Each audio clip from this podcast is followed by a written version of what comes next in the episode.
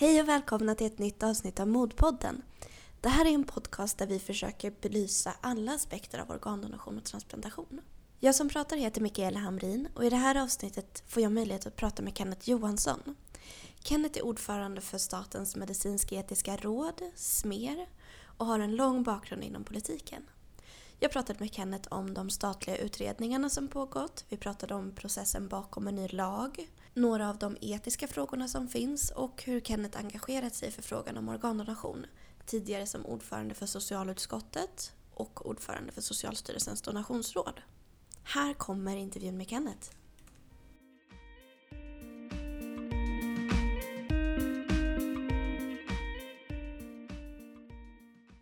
Då vill jag säga varmt välkommen till Modpodden till dig Kenneth Johansson. Tack så jättemycket. Kenneth, du har ju väldigt lång erfarenhet både av politik och av sjukvårdsfrågor. Din karriär inleddes med uppdrag som administrativ chef för Falu lasarett och ordförande för socialnämnden i Falun kommun. Sedan dess har du bland annat suttit i riksdagen flera mandatperioder, varit ordförande för socialutskottet, ordförande för Socialstyrelsens donationsråd, landshövding i Värmland och nu ordförande för SMER. Det här innebär ju att du verkligen har en unik överblick och förståelse för hela den politiska processen och hur sjukvården fungerar i Sverige. Vi vill prata med dig idag utifrån din nya roll som ordförande i SMER. Men innan vi hoppar in på det och pratar mer om organdonation så skulle jag vilja ställa frågan vad du tycker om vårt svenska sjukvårdssystem idag. Du har ju arbetat med sjukvårdsfrågan ur olika perspektiv under lång tid. Vad tycker du är de största framgångarna vi har haft och vilka frågor är det vi inte lyckas lika väl med? Ja, jag har lärt mig av både egna och eh, andras erfarenheter betydelsen utav en tillgänglig vård av hög kvalitet. När, inte om, vi behöver den. Vad det betyder när det oväntade händer. När tråkiga besked kommer som vänder upp och ner på det mesta. Trygghet i att få hjälp, att kunna förstå vad som är på gång. Att vara delaktig och känna att man är en resurs i sin egen eller anhörigas vård. Jag menar ju att svensk hälso och sjukvård den är av hög kvalitet. Görs väldigt mycket bra. Vi har personal med hög kompetens. Vi har en forskning och utveckling som eh, går snabbt eh, så att eh, den medicinska utvecklingen hela tiden går framåt. Ta till exempel cancerforskningen. Cancerdiagnos är ju inte längre en eh, dödsdom. Jag har som eh, förtroendevald deltagit i arbetet med eh, bland annat den nationella vårdgarantin. Med tillgänglighetssatsningar, att förbättra patientsäkerheten, förbättra psykiatrin, primärvården, att lyfta fram det förebyggande arbetet, prevention, fritt vårdval, den nationella cancerstrategin, bemötandefrågor och listan kan göras längre. Och jag nämner det här för att jag tycker att det här är bra satsningar som har gjorts. Men eh, allt har inte gått enligt plan. Primärvården går för närvarande, som jag uppfattar det, på knäna. Tillgängligheten brister. Fortfarande så har vi inte lärt oss hur viktigt det är att jobba förebyggande. Den psykiska ohälsan, kanske framför allt bland eh, unga, den är alldeles för hög och det gör ont långt inne i hjärteroten.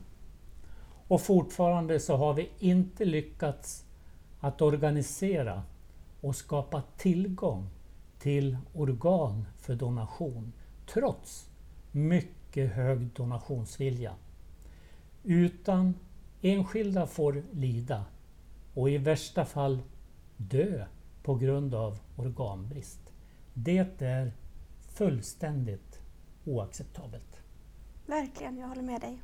Innan vi pratar mer om SMER och om din roll i Socialstyrelsens donationsråd så skulle jag vilja att vi pratar lite om den politiska processen, för du är ju expert på den. Frågan om organdonation har ju utretts sedan 2013 i Sverige och i egenskap av erfaren riksdagspolitiker och dessutom ordförande i socialutskottet skulle du vilja berätta lite om statliga utredningar, hur de fungerar och varför vi behöver dem egentligen? Ja, vi har ju i Sverige en tradition av mycket utredande. Och visst, det finns en risk att det kan gå inflation i det. Att man gömmer svåra, politiskt känsliga frågor i en eh, utredning, det är inte ovanligt. Samtidigt eh, så är eh, utredningen rätt använd mycket viktig. Oftast helt nödvändig. Det är viktigt med eh, tydliga direktiv ifrån regeringen. Vad ska utredningen eh, uppnå? Vilken tidsplan?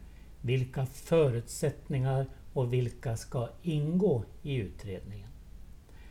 Regeringen eh, utser utredare och det kan vara en särskild utredare, en person. Eller det kan vara en parlamentarisk utredning som består utav eh, en person per parti. Eh, det är eh, lite olika varianter på det. Ofta så knyts experter och sakkunniga. Man utser en huvudsekreterare och ett sekretariat. Och där finns det olika kompetenser eh, som eh, ska arbeta fram Eh, en produkt. Och produkten i det här fallet, ja, det är ju ett, ett beslutsunderlag. Det är ett förslag, det är en statlig utredning eh, som eh, ska göra konsekvensbeskrivningar. Och eh, ett eh, eh förslag till lagstiftning. Eh, då är det nödvändigt att det är rättssäkert och heltäckande. Utredningen, när den är klar, brukar det vara en presskonferens eh, på Rosenbad. Eh, rätt vanligt. Och sen lämnas den till regeringen. Och vill regeringen, och det gör, ju, det gör man oftast eh, om inte man tycker att utredningen är skräp. Vill regeringen så skickar de ut den på en remiss. Och det går eh, ofta till väldigt många. Det kan vara hundratals olika remissinstanser.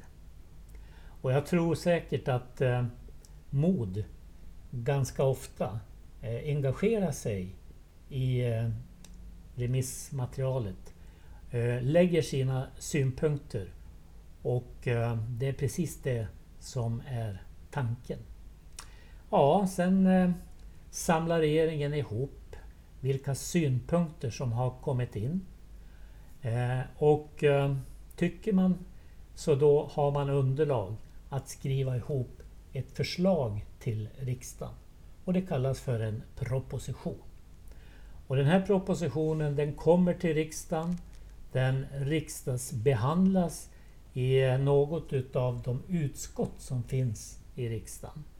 Och rör det frågor om organdonation så är det så gott som alltid socialutskottet som har att tycka, behandla det.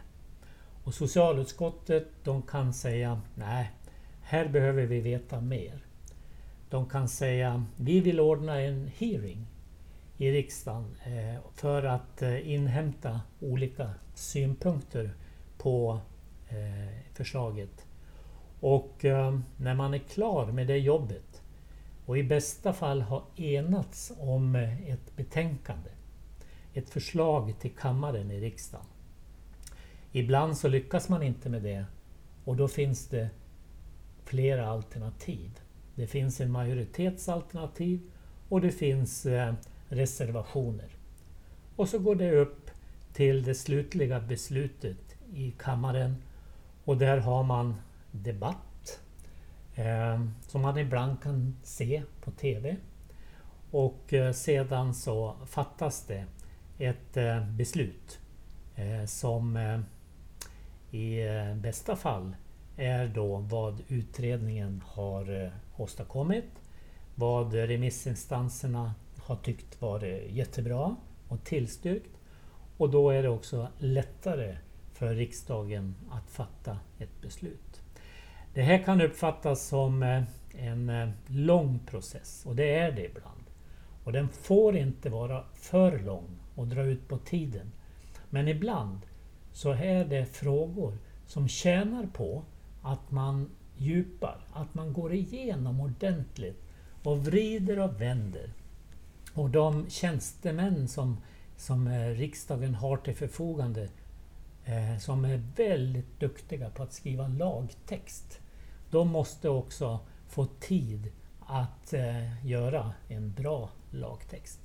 Det finns exempel på där eh, riksdagen har fattat beslut mot den speciella Eh, så kallade lagrådet. Det är En speciell eh, eh, organisation i riksdagen med särskilt erfarna jurister. Ibland så har man gått förbi processen och då är det ofta så att, man, att det slår tillbaks. Att det blir bakslag. Och det är ju inget bra. Jag har deltagit i flera utredningar. Jag var en mycket kort tid med Eh, i Miltons donationsutredning som expert. Men det jag själv ledde som ordförande, det var den stora LSS-kommittén som arbetade under fyra år och tog fram förslag eh, om eh, att man ska kräva eh, tillsyn och att man ska ha tillstånd för att få bedriva eh, verksamhet enligt lagen om stöd och service och personlig assistans. Och det gick igenom. Eh, så att eh, ta allvarligt på utredandet Använd det på ett klokt sätt. Få ett bra underlag. Så då kommer det också ut ett eh, bra beslut. Mm, precis. Och min nästa fråga det var varför tar det så lång tid att förändra en lag i Sverige? Men det känns som att du redan har, har svarat på den. Mm. Det här är, är en, en process som tar tid. Eh, och Göran Hägglund gav Anders Milton i uppdrag att utreda den här frågan 2013. Eh, men vi har inte kommit i mål riktigt än. Och just nu är det många som väntar på organ som är frustrerade över att det tar så lång tid. Vad skulle du vilja säga till dem? Ja, jag har stor förståelse både över frustration och eh, även om vi har tagit steg i rätt riktning så har det gått alldeles för sakta. Eh, och eh, jag kom in i riksdagen 1998 och jag var, satt där tills eh, 2012. I 14 år och jag var hela tiden ledamot och ordförande under sex år i socialutskottet. Eh, redan alldeles i början på 2000-talet så var det mycket diskussioner om organdonation. Det var mycket diskussioner vad det är som kan göras för att eh, öka antalet eh, donatorer och på det sättet eh, förbättra situationen, livskvalitet och överlevnad för de som har behov utav ett organ. Och diskussionen fördes än intensivare i andra delen utav 2000-talet, 2006 2012. Eh, ehm, och eh, det var många förslag det var enskilda motioner. Vi anordnade hearings. Vi hade bra påtryckningar ifrån vårdproffsen och vi hade också påtryckningar från patientorganisationer. Och eh, eh det var socialutskottet under min ordförandetid som gav regeringen ett, eh, ett tillkännagivande. Föreslog riksdagen att ge regeringen ett tillkännagivande. Och det betyder att riksdagen beställer att här krävs det åtgärder. Så det var bakgrunden till att eh, Göran Hägglund som socialminister eh, tillsatte eh, Milton-utredningen. Och eh, så här när jag framförallt när det gäller donationsområdet så känner jag att det kanske var den allra viktigaste insatsen under mina år i riksdagen som eh, jag var med och jobbade med. Inte ensam. Och vi var ganska överens över partigränser. Men eh, ändå, det är en eh, bakgrund och en historia.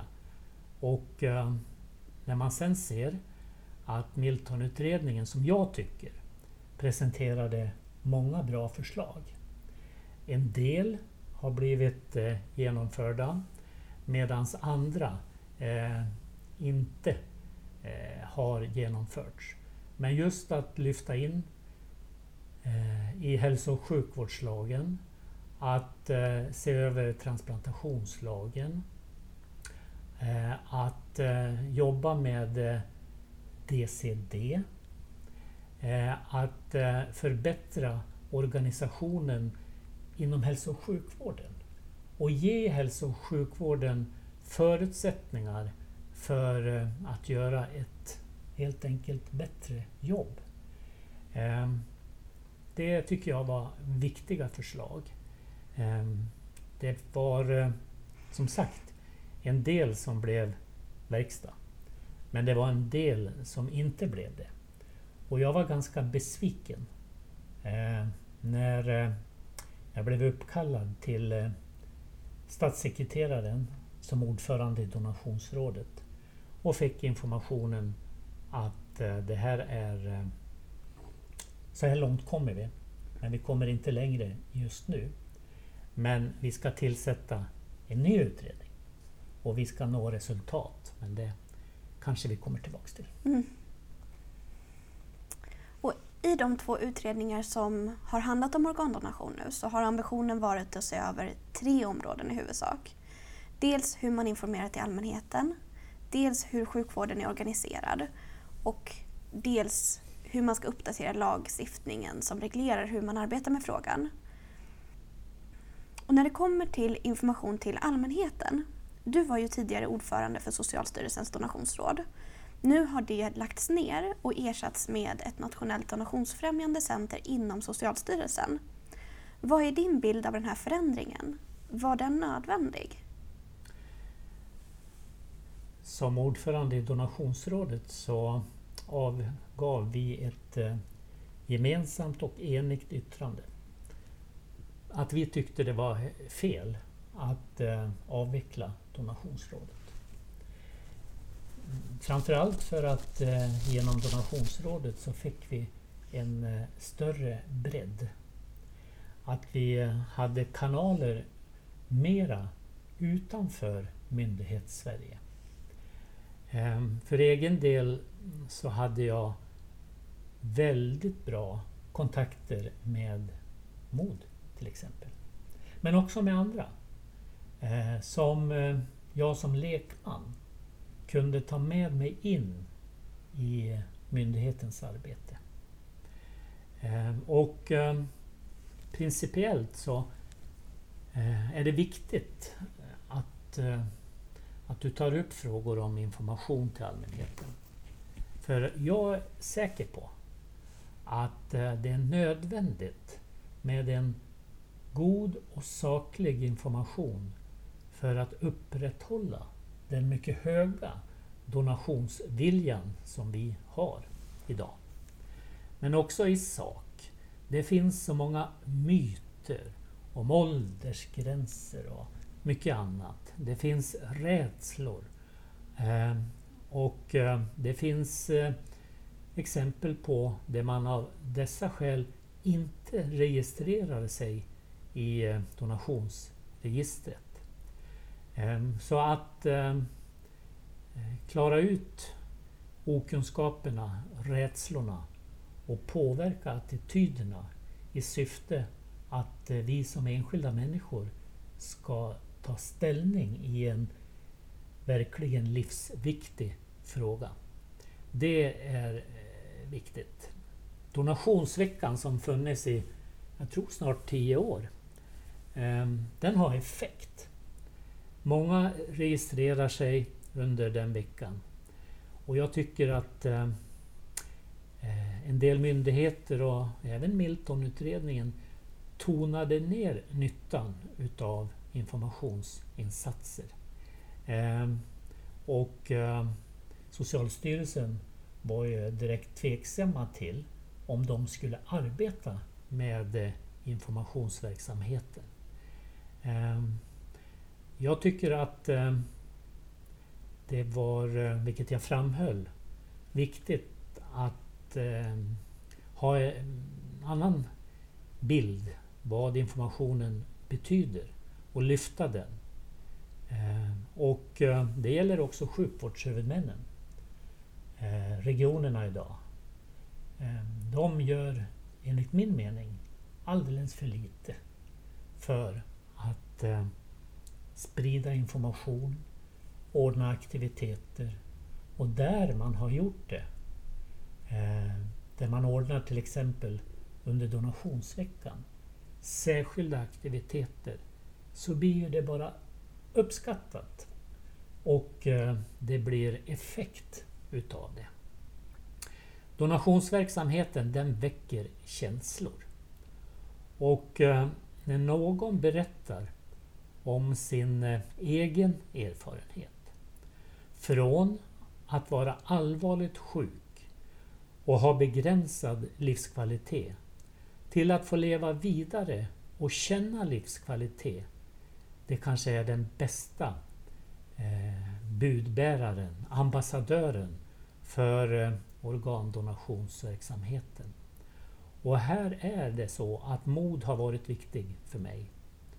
Och eh, inte minst eh, Värmlandstjejen Emma Dahlman som själv har fått ett nytt hjärta har gett mig bestående kunskaper, fått mig bättre insatt i hur eh, samhället fungerar och inte fungerar.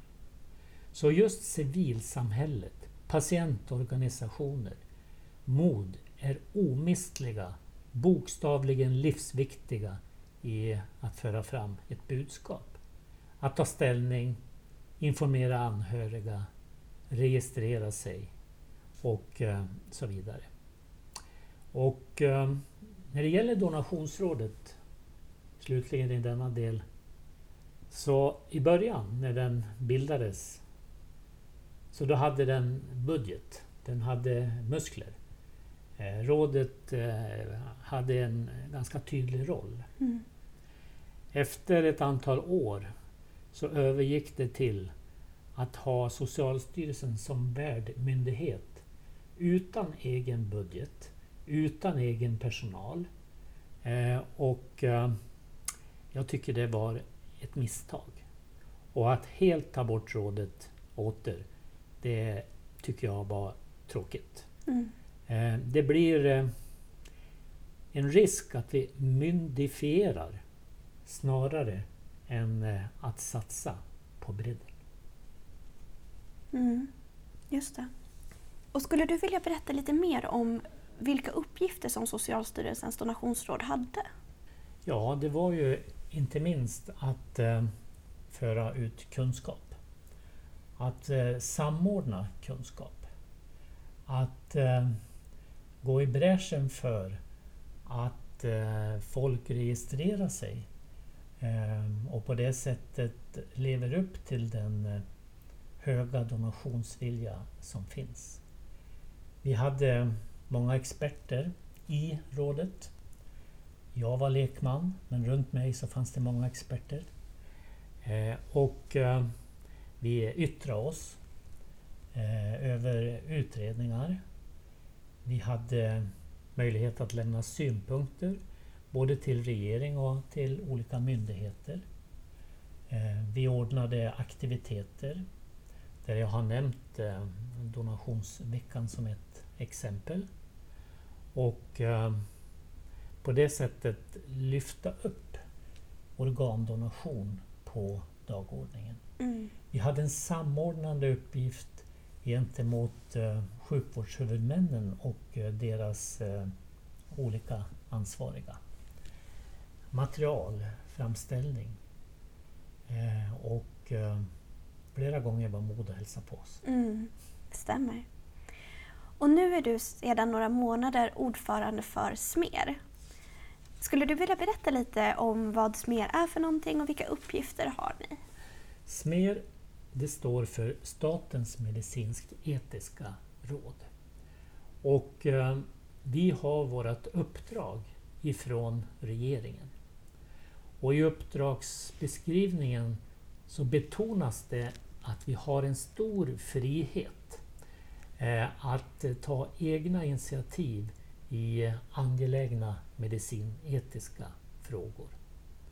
Vi gör en eh, planering, en ettårsplan, en treårsplan, eh, där vi ser vad är det som eh, finns ett behov utav att eh, diskutera, att, att vi kan vara bollplank kring frågor och på det sättet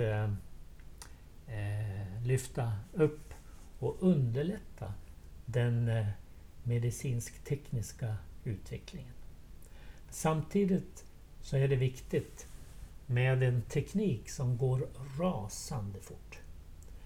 Att eh, det finns någon som har de etiska glasögonen på sig och eh, eh, vrider och vänder på frågeställningar innan man accepterar eller innan man avstyrker. Eh, och det är eh, bland annat det som eh, vi håller på med.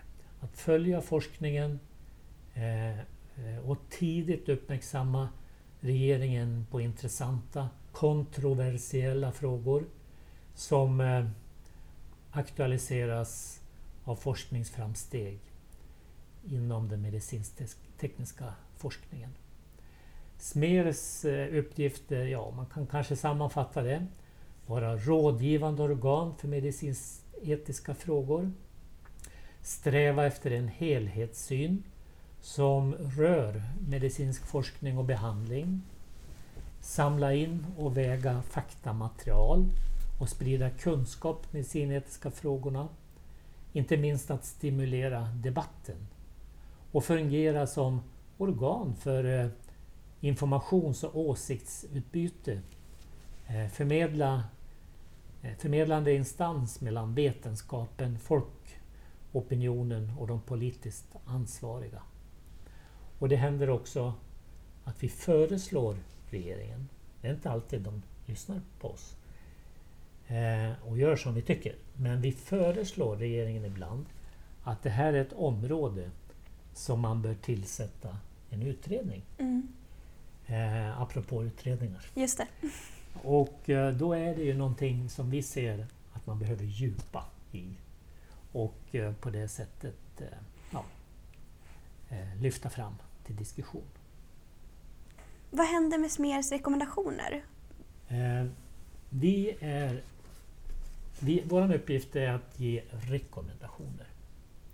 Det betyder att vi talar om i olika former. Vad är det som vi tycker? Ibland i form av skrivelse, ibland i form av yttranden, ibland i form utav eh, personliga kontakter. Eh, ibland skriver vi en, rapport eh, som är ett ganska fylligt dokument som lyfter upp en viss frågeställning. Och, men det är rekommendationer. Och det betyder att eh, det är ingen myndighet som är skyldig att eh, följa SMERs rekommendationer.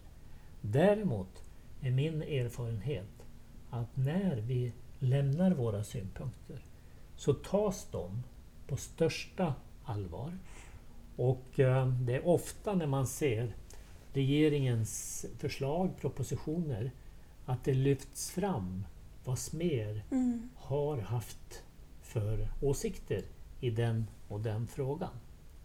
Så att eh, beslutsmandat har vi inte. Men eh, argumenterar vi starkt med hög kompetens, då lyssnar man på oss. Mm. Och eh, jag uppfattar att det är så. Och det är ju naturligtvis viktigt. Verkligen. Finns det några etiska frågor inom sjukvården som du tycker är extra aktuella eller svåra att diskutera just nu? Ja, det finns väldigt många. Eh, att följa den medicinska forskningen har jag redan nämnt. Mm. Men det som eh, vi så sent som i fredags på eh, SMERs sammanträde diskuterade det är vad är det som är det allra högst prioriterade just nu och vilka andra områden är det som kommer som också är högt prioriterade. Men genetiken, eh, där vi idag arbetar med genredigering, med screening, med en utveckling som går i rasande snabb takt. Där vi eh, influeras utav eh, regelverk i Sverige som Mm. börjar bli gammalt Just det. Eh, om genetisk integritet men också vad som händer inom EU och även större än så. Eh, här finns det ett område som vi har bestämt oss för att här ska vi lägga ner ett eh, omfattande arbete. Mm. Men det finns andra områden som vi också har med. Om eh, digitaliseringen, om hälsodata, om eh, e-hälsa, eh, neuroetik har vi på listan. Att jobba med eh, den nära vården. Eh, det diskuteras nu eh, hur vi kan eh, få en bättre primärvård, en bättre vård tillgänglig nära oss. Mm. Och eh, i det ligger det också etiska frågor. Och en fråga som är mycket svår, det är ju också frågor om organtransplantation för asylsökande. Just det. hade vi också uppe i, i fredags och eh, vi har inlett ett arbete. Det kanske vi kommer tillbaks till Mm. donationsverksamheten i övrigt. Där eh, har vi eh, tagit ja, flera ställningar. Men det tror jag också det kommer tillbaka till. Ja, men det tror jag också. Och jag funderar också på hur SMER ser på DCD som vi har nämnt tidigare. Och DCD det står ju för donation efter cirkulationsstillestånd. Nu har DCD-piloten avslutats i Sverige och de sex pilotsjukhusen kan ansöka om att få fortsätta med DCD. Finns det några etiska aspekter av att införa DCD på andra sjukhus i Sverige som diskuteras? Jag är mycket imponerad över det arbete med eh, DCD-piloterna som eh, görs. Eh, I donationsrådet så hade vi besök av den medicinska ansvarige för DCD, Stefan Ström, men också hans medarbetare. Som eh, gav en bild över dels upplägget, dels vilka eh, medicinsk-etiska frågeställningar som har ställts och vad man har jobbat med. Och eh, till min glädje så det jag hör det är att eh, verksamheten har fungerat bra. Det glädjer mig mycket. Eh, vi har inte frågan om eh, DCDs eventuella utvidgning på vårt bord. Eh, utan en personlig uppfattning. Det är ju att jag tror att om man får fortsätta i lugn och ro och att man hela tiden eh, kvalitetssäkrar i många aspekter, inte minst de etiska, så hoppas jag att eh, DCD ska få en fortsatt god utveckling och därmed också då breddas Mm. till flera sjukhus i landet. Just det. Och vi på MOD anser att patientens autonomi och självbestämmande är centrala aspekter som bör respekteras när det kommer till organdonation. Och det innebär ju att den som säger ja till organdonation ska få möjlighet att bli det medan den som säger nej inte ska bli donator. Vad är din syn på det här? Nej, men jag delar helt eh, Mods eh, uppfattning. Eh, för mig så är det viktigt att respektera den enskildas önskan. Eh, att följa eh, autonomin och att man själv beslutar och bestämmer över sin egen kropp. Så att eh, för mig så, så är det ett naturligt ställningstagande. Mm. ja till organdonation, då är det ett ja. Och nej, då är det ett nej. Mm, precis. Eh, och SMER är utsedd till remissinstans både för Santiago-konventionen och för Sten Heckschers tilläggsutredning. Kan du berätta lite om hur ni ställer er till förslagen och om ni har några invändningar eller om ni kommer vilja trycka på extra i någonting i remissvaren? Ja, om jag börjar med eh, Santiago-konventionen så har SMER redan tagit ställning. Mm. Och vi har beslutat att vi eh, tillstyrker eh, ut eh, förslaget i sin helhet. Ehm, och att därmed Sverige ska ansluta sig till Santiago-konventionen eh, mot eh, handel med organ. Så i den delen så är det helt klart. När det gäller Sten Heckers tilläggsutredning så har vi också där tagit ställning och det gjorde vi i fredags. Och i det stora hela så eh, står vi bakom förslagen. Vi betonar några saker som redan utredningen har sagt och några eh, frågor vill vi se förtydligade.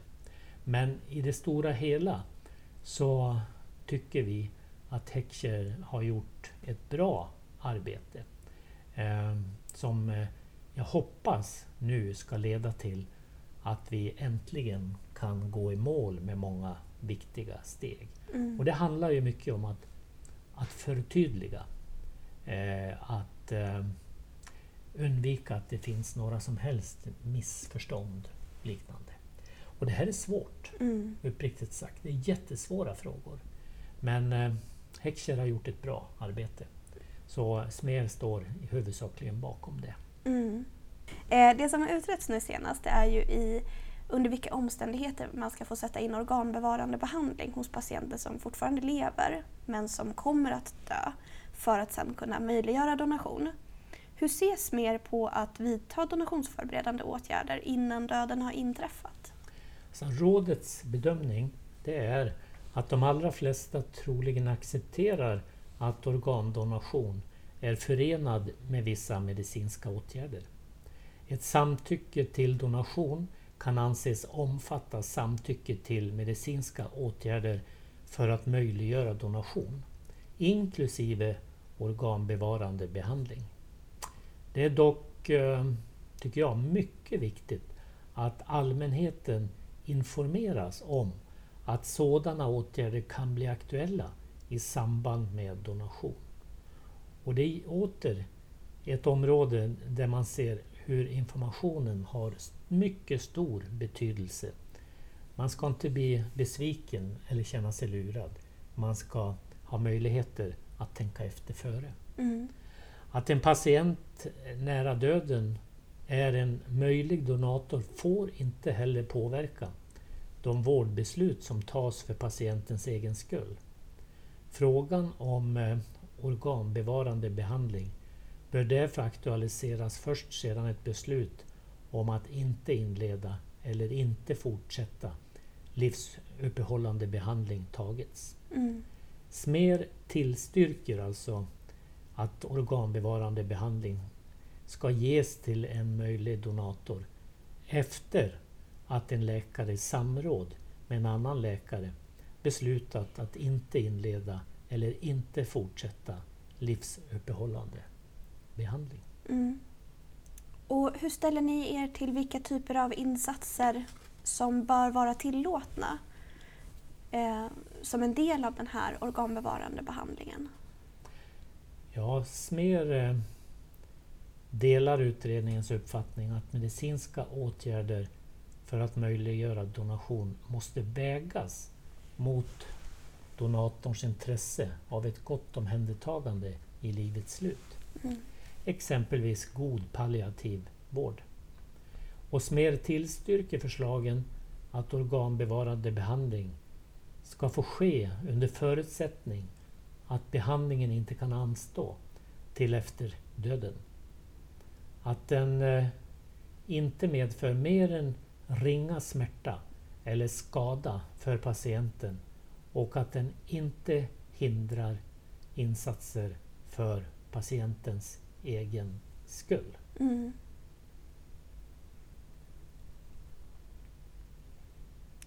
Och MOD är mycket positiva till stora delar av Sten Heckschers förslag. Men vi har en ganska central och stor invändning. Och det gäller att i utredningen framhålls intubering som en mer invasiv behandling och att det ska vara, det ska vara tillåtet att fortsätta respiratorbehandling men inte att påbörja respiratorbehandling som en del av den organbevarande behandlingen. Eh, utifrån de samtal som vi har haft med experter inom sjukvården så håller de inte med. Vad är Smers åsikt i den här frågan?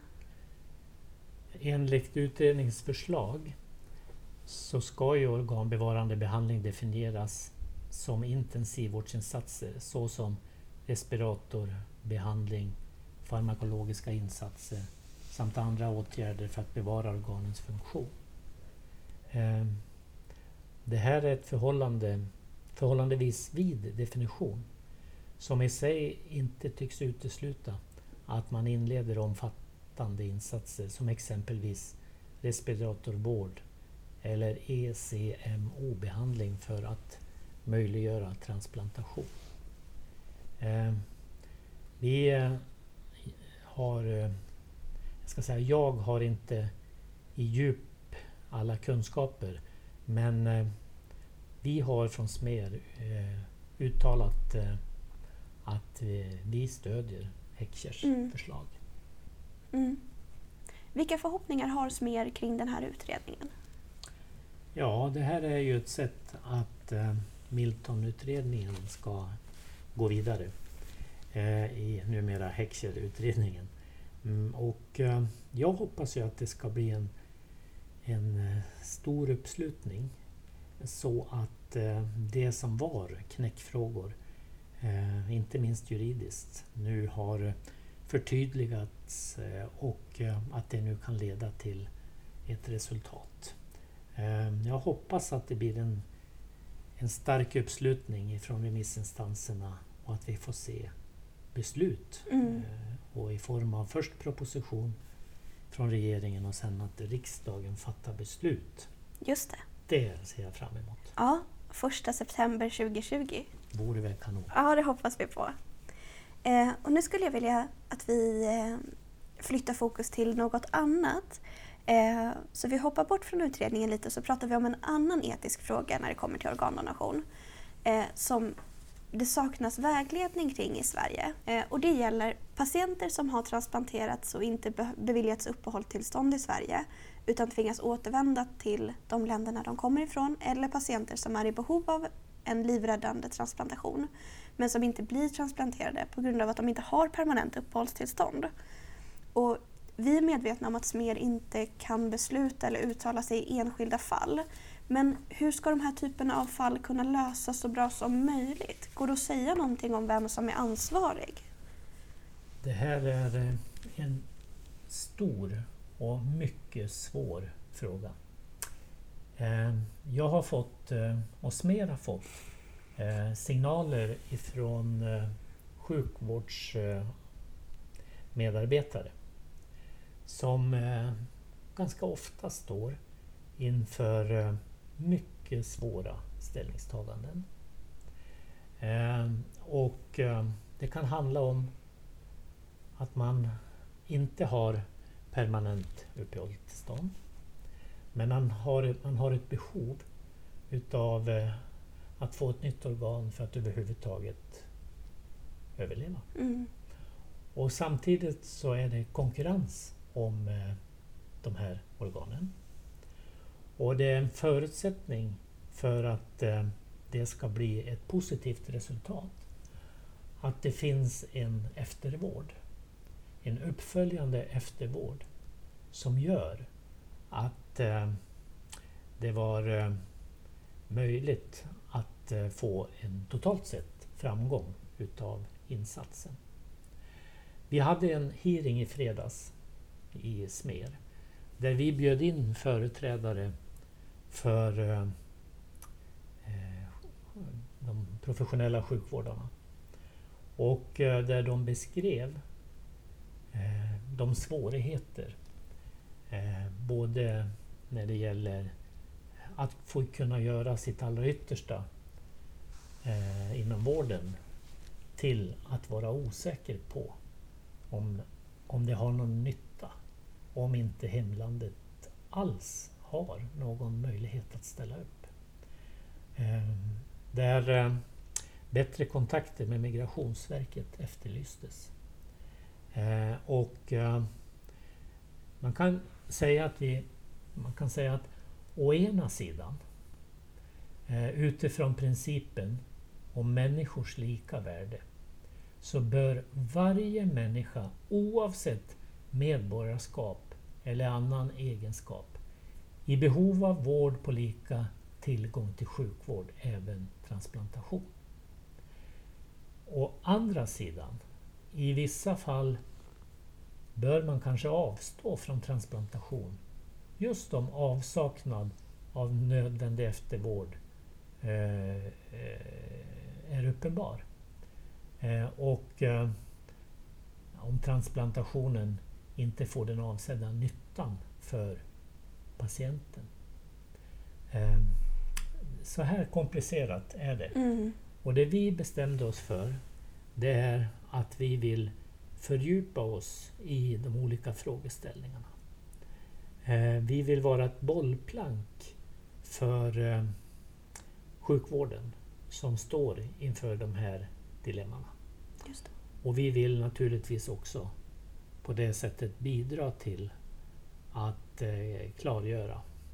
Eh, samtidigt så prioriteringar. Dels då i sjukvårdshuvudmannen för dagligen. Och eh, det, ytterst så är det ändå den enskilda patientens behov mm. samlat som eh, fäller avgörande. Så vi ber att få återkomma men vi har börjat problematisera. Mm en svår fråga. Just det. Och om man bortser nu från att du är ordförande för SMER. Du har ju en lång erfarenhet av, eh, av andra uppdrag. Går det att kommentera den här situationen utifrån din tidigare erfarenhet i, i egenskap av ordförande för socialutskottet eller ordförande för Socialstyrelsens donationsråd? Ja, alltså grunden den har jag ju med mig hela tiden. Och det är ju hälso och sjukvårdslagen, alla människors lika värde. Det är min människosyn. Mm. Den har jag med mig eh, hela tiden. Sen är det lite olika roller. Eh, ordförande i socialutskottet innebar täta kontakter och tät dialog med eh, ministrarna på det området och deras medarbetare. Ehm, att ehm, hitta eh, majoriteter för att eh, få ehm, stöd för olika förslag. Att eh, förändra förslag så att en bred majoritet i riksdagen känner sig trygg och kan ställa sig bakom det.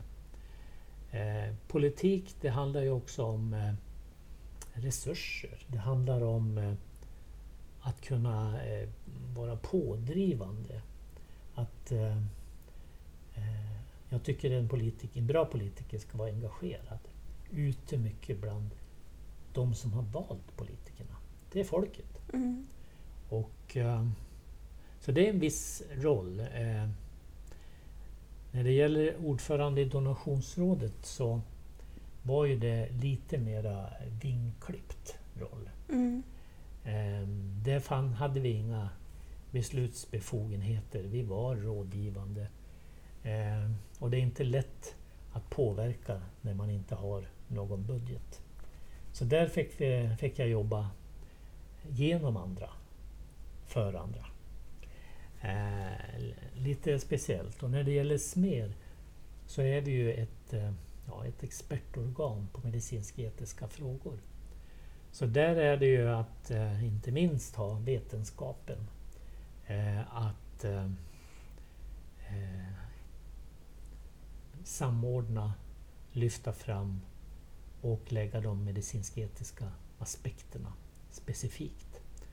Eh, och, eh, så lite olika roller, men eh, den bredaste och den som eh, man har möjlighet att påverka mest eh, i mitt fall var nog det som socialutskottets ordförande. Mm. Just det. Det trivdes jag bra. Ja, skönt att höra. eh, finns det någonting som du skulle vilja att alla visste om organdonation? Ja, jag tycker att det är lätt att säga. Självklart så ska jag vara eh, donator om den situationen skulle uppstå. Men eh, min uppmaning det är ju att se till att registrera dig. Se till att eh, informera anhöriga, nära och kära. Vad din vilja är. Allt för att undvika att det blir några som helst otydligheter. Så information och hur viktigt det är att vi har en hälso och sjukvårdsorganisation som är uppbyggd för att mycket mer kunna jobba med eh, den här typen av frågor. Eh, resursmässigt och kompetensmässigt. Eh, de flesta är ju väldigt duktiga men de begränsas ju mm. av mycket annat som också ska göras.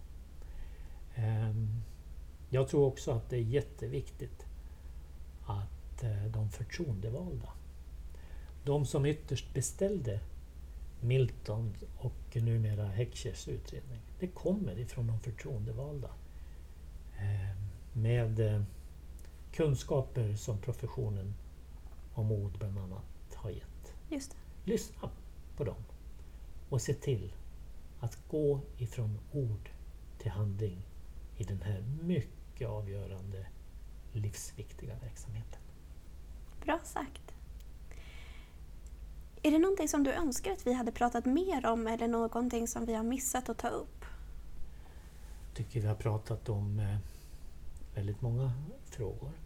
Viktiga frågor. Och eh, jag tror att eh, man ska sätta upp mål ibland.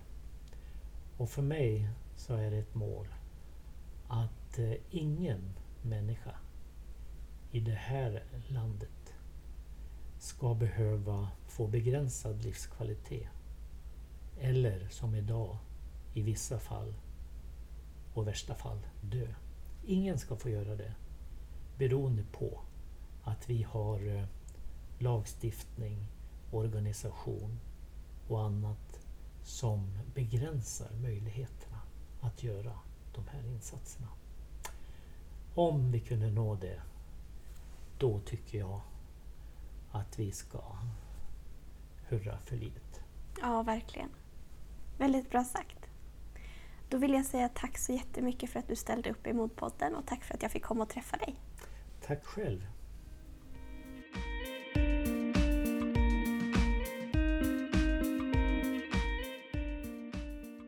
Jag tycker det var väldigt givande att få träffa Kenneth och prata om de här frågorna. Både hur processen bakom sjukvården ser ut och hur Kenneth personligen engagerat sig för frågan.